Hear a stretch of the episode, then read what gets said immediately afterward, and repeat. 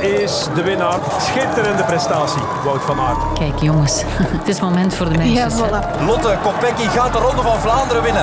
Ongelooflijk. Vrouwelijke en mannelijke coureurs krijgen evenveel prijzengeld. Maar is de loonkloof daarmee dichtgereden? Er zijn toch veel mensen die Tourette hebben.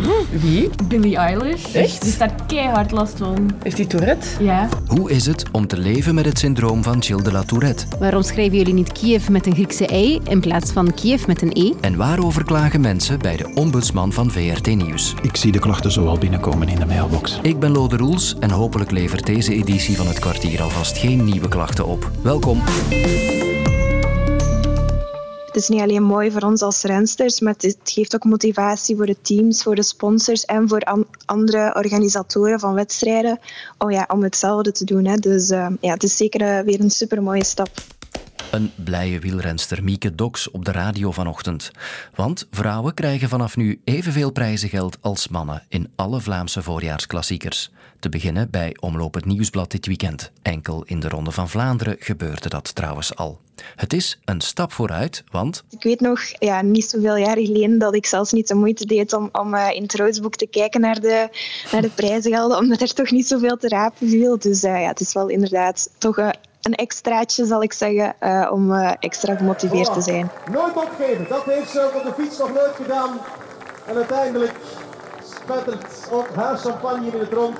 Cheers dames, ze mogen er een flinke teug zeker en vast opnemen. Maar daarmee is het verhaal nog niet verteld. Ik kreeg Wim Laga aan de lijn, sporteconoom van de KU Leuven. Ja, goedemiddag. Want dat prijzengeld, dat moeten we toch even in detail bekijken. Er starten zaterdag 150 rensters in Hartje Gent, waarvan er slechts 20 prijzengeld zullen ontvangen. Daarvan gaat dus 16.000 euro naar de winnares. Zilver en brons krijgen 8 en 4.000 euro, maar bijvoorbeeld vanaf renster 11 tot en met renster 20 bedraagt dit 500 euro prijzengeld. 13,82% van het prijzengeld gaat richting Internationale Wielerunie.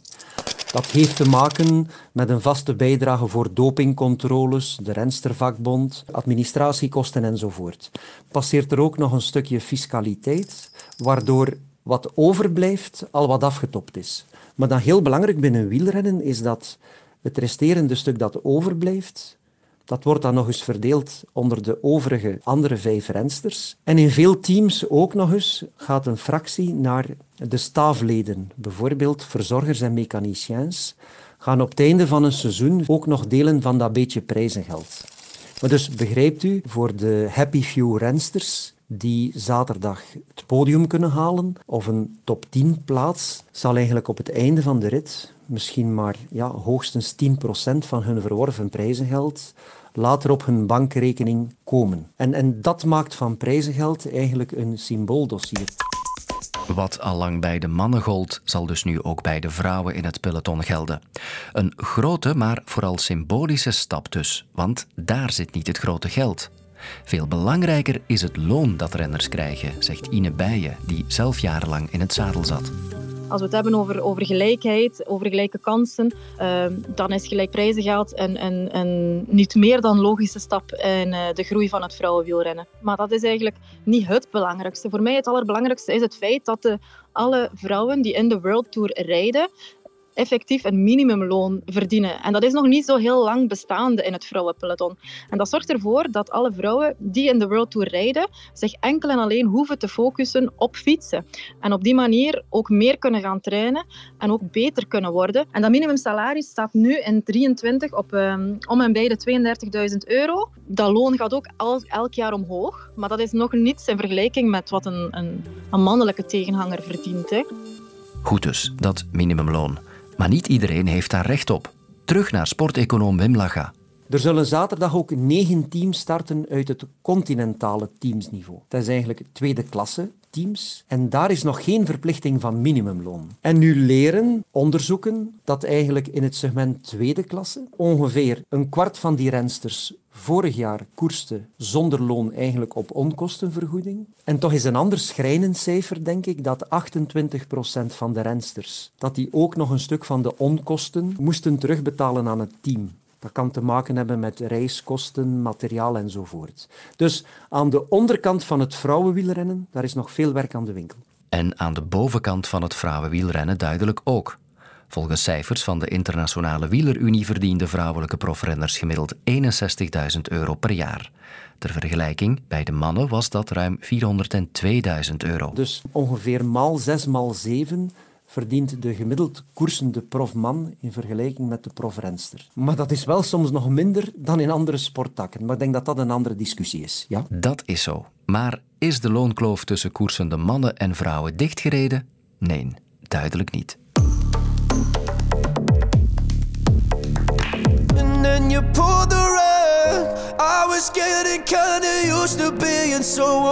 De Schotse zanger Louis Capaldi staat vanavond in het Sportpaleis. Niet alleen bekend vanwege enkele wereldhits, maar ook omdat hij aan het syndroom van Gilles de la Tourette lijdt. En ik persoonlijk moet dan hieraan denken. Fuck! Oh, look, now what you've Oh, fuck it. Simon, can you come and help with the bags, please? Mm, yeah. Fucking idiot. Please tell me that's a tick.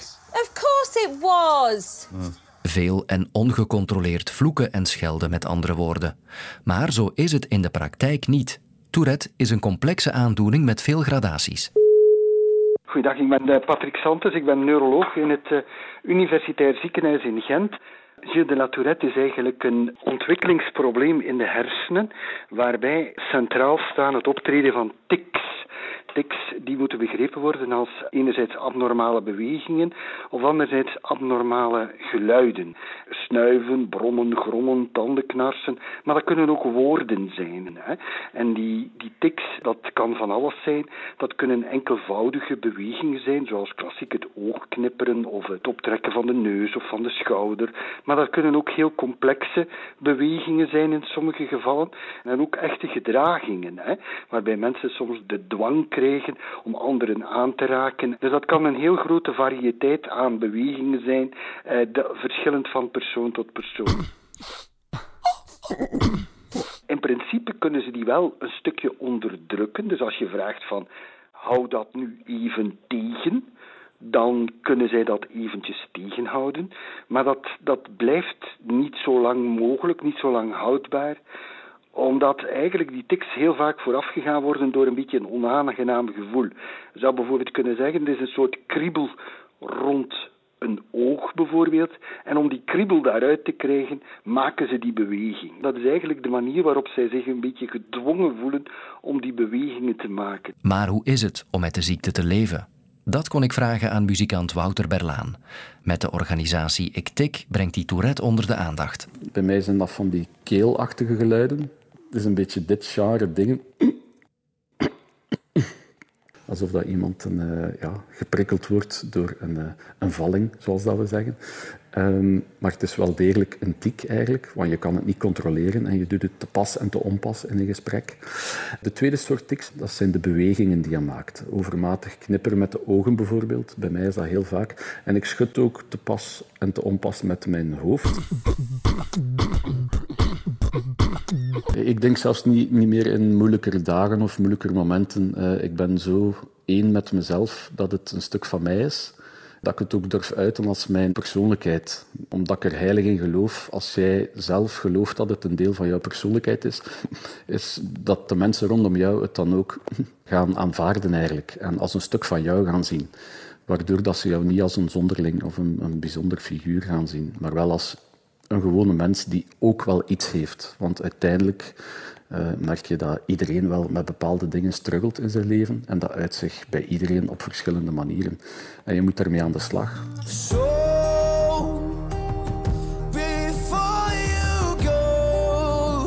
En naast Louis Capaldi zijn er nog andere sterren die kampen met La Tourette. Onder andere David Beckham en Billie Eilish. If you film me for long enough, you're gonna see lots of tics.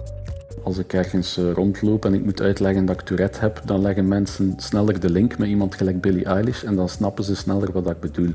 Vanavond in het Sportpaleis de geweldige Louis Capaldi, die als uh, Touretter zonder schaamte gewoon durft uitkomen voor uh, wie hij is en, en wat hij doet en hoe dat allemaal in zijn werk gaat. Als je naar zijn clips kijkt, dan kan je al een beetje vermoeden dat zijn artistieke zijn ook volledig voortspruit uit zijn Tourette-persoonlijkheid. Want met Tourette gaat ook gepaard veel minder een filter hebben om dingen te zeggen of te doen. En het feit dat hij daar in zijn videoclips ongegeneerd in zijn pants en zijn manboobs in zijn onderbroekje rondloopt op een strand vol mooie meisjes, dat is iets uh, heel herkenbaar als Tourette. Die durft dat gewoon. Ik ga me gewoon tonen zoals dat ik ben. Dus uh, op dat vlak denk ik dat de wereld nog veel van Tourette kan leren eigenlijk. Uh, dus ja, dat helpt zeker. Ja. Zolang dat je rechten in je schoenen kunt staan, dan moet je altijd blijven.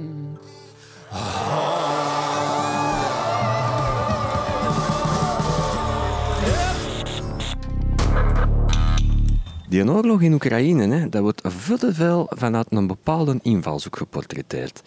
De Russen, dat zijn altijd de slechte, de Oekraïners, dat zijn de goeie, maar de waarheid zal toch wel ergens in het midden liggen, hè? Ja, nu heb ik al van verschillende mensen gehoord dat die mij herkend hebben op beelden en op foto's. En ja, ik ben daar alleszins helemaal niet blij mee. Waarom toont VRT Nieuws de Krim alsof het tot Rusland behoort? Ik ben de huidige Goed Nieuws Show rond corona spuugzat. Kunnen jullie aan Riyad Bari zeggen dat hij niet in de zillion zit, maar dat hij het nieuws voorleest? Wat is het volgende dat hij presenteert in zijn Marcelleke? Wat je hoorde waren enkele dingen die de ombudsdienst van VRT Nieuws het afgelopen jaar binnenkreeg. Die dienst waakt erover dat onze berichtgeving volgens het boekje verloopt, het deontologische boekje. En vandaag stelde de ombudsman zijn jaarrapport voor. Alle klachten en meldingen van 2022 gebundeld. Ik ging langs op het hart van onze redactie, aan het bureau van de ombudsman van VRT Nieuws. Ik ben Bert Lauwers en ik ben sinds 1 januari de opvolger van Tim Pauwels. Ik ben nu de nieuwsombudsman van VRT Nieuws. We hebben ongeveer een 7400 mails binnengekregen het afgelopen jaar in 2022. En dat, ja, dat is toch wel een bak minder dan die twee voorbije coronajaren, 2020 en 2021.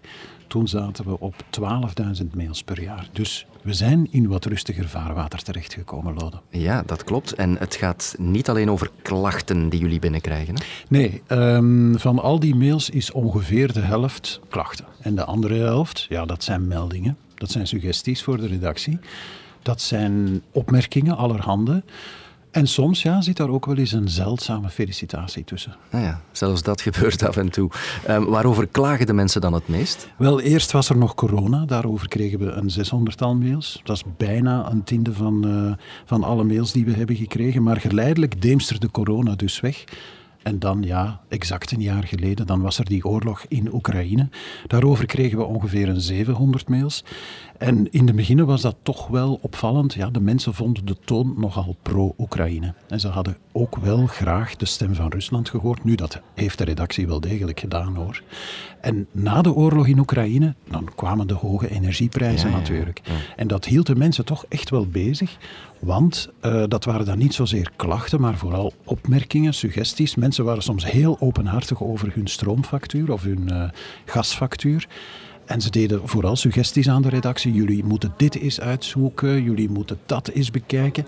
En veel van die opmerkingen en suggesties zijn naar de redactie gegaan. En de redactie is er wel degelijk mee aan de slag gegaan. Gaat het soms ook over de persoonlijke stijl, de kledingkeuze bijvoorbeeld van uh, presentatoren? Oh jawel, we krijgen soms wel mails binnen over uh, de kledingstijl of de oorbellen van uh, de een of andere nieuwsanker. Maar in wezen zijn we daar niet bevoegd voor. Dus we kunnen daar eigenlijk weinig aan doen. Want wat wij doen als nieuwsombudsteam, dat is waken over de journalistieke deontologie. Hmm. En kledij en oorbellen, ja, dat behoort nu eenmaal niet tot die uh, journalistieke deontologie. Hmm. Hebben mensen gelijk? Ik bedoel, in hoeveel procent van de gevallen is zo'n klacht echt gegrond? Dat is een heel goede vraag en uh, we hebben daar ook een cijfer over. Het afgelopen jaar was ongeveer 9,6 procent van de klachten gegrond. Dat is bijna een tiende. Dus dat wil zeggen dat mensen soms gelijk hebben, maar vaak ook niet. Komen er eigenlijk klachten binnen, Bert, over ons, over de podcast Het Kwartier? Als ik mij goed herinner, hebben we vorig jaar wel geteld één klacht gekregen over het kwartier. Ah ja. Maar laten we duidelijk zijn, als er klachten zijn over het kwartier, lieve mensen, mailen naar de nieuwsombudsman. En Bert contacteren doe je met de knop Stel je vraag op onze website vrtnieuws.be. Elke dag is hier alvast een kans om het nog wat beter te doen. Ook morgen met het laatste kwartier van deze week. Tot dan. Weet jij wie het eerste domme blondje was? Of waarom we boer roepen? Ontdek het in de podcast Snelle Geschiedenis met Sophie Lemeyre. Nu in de app van VRT Max.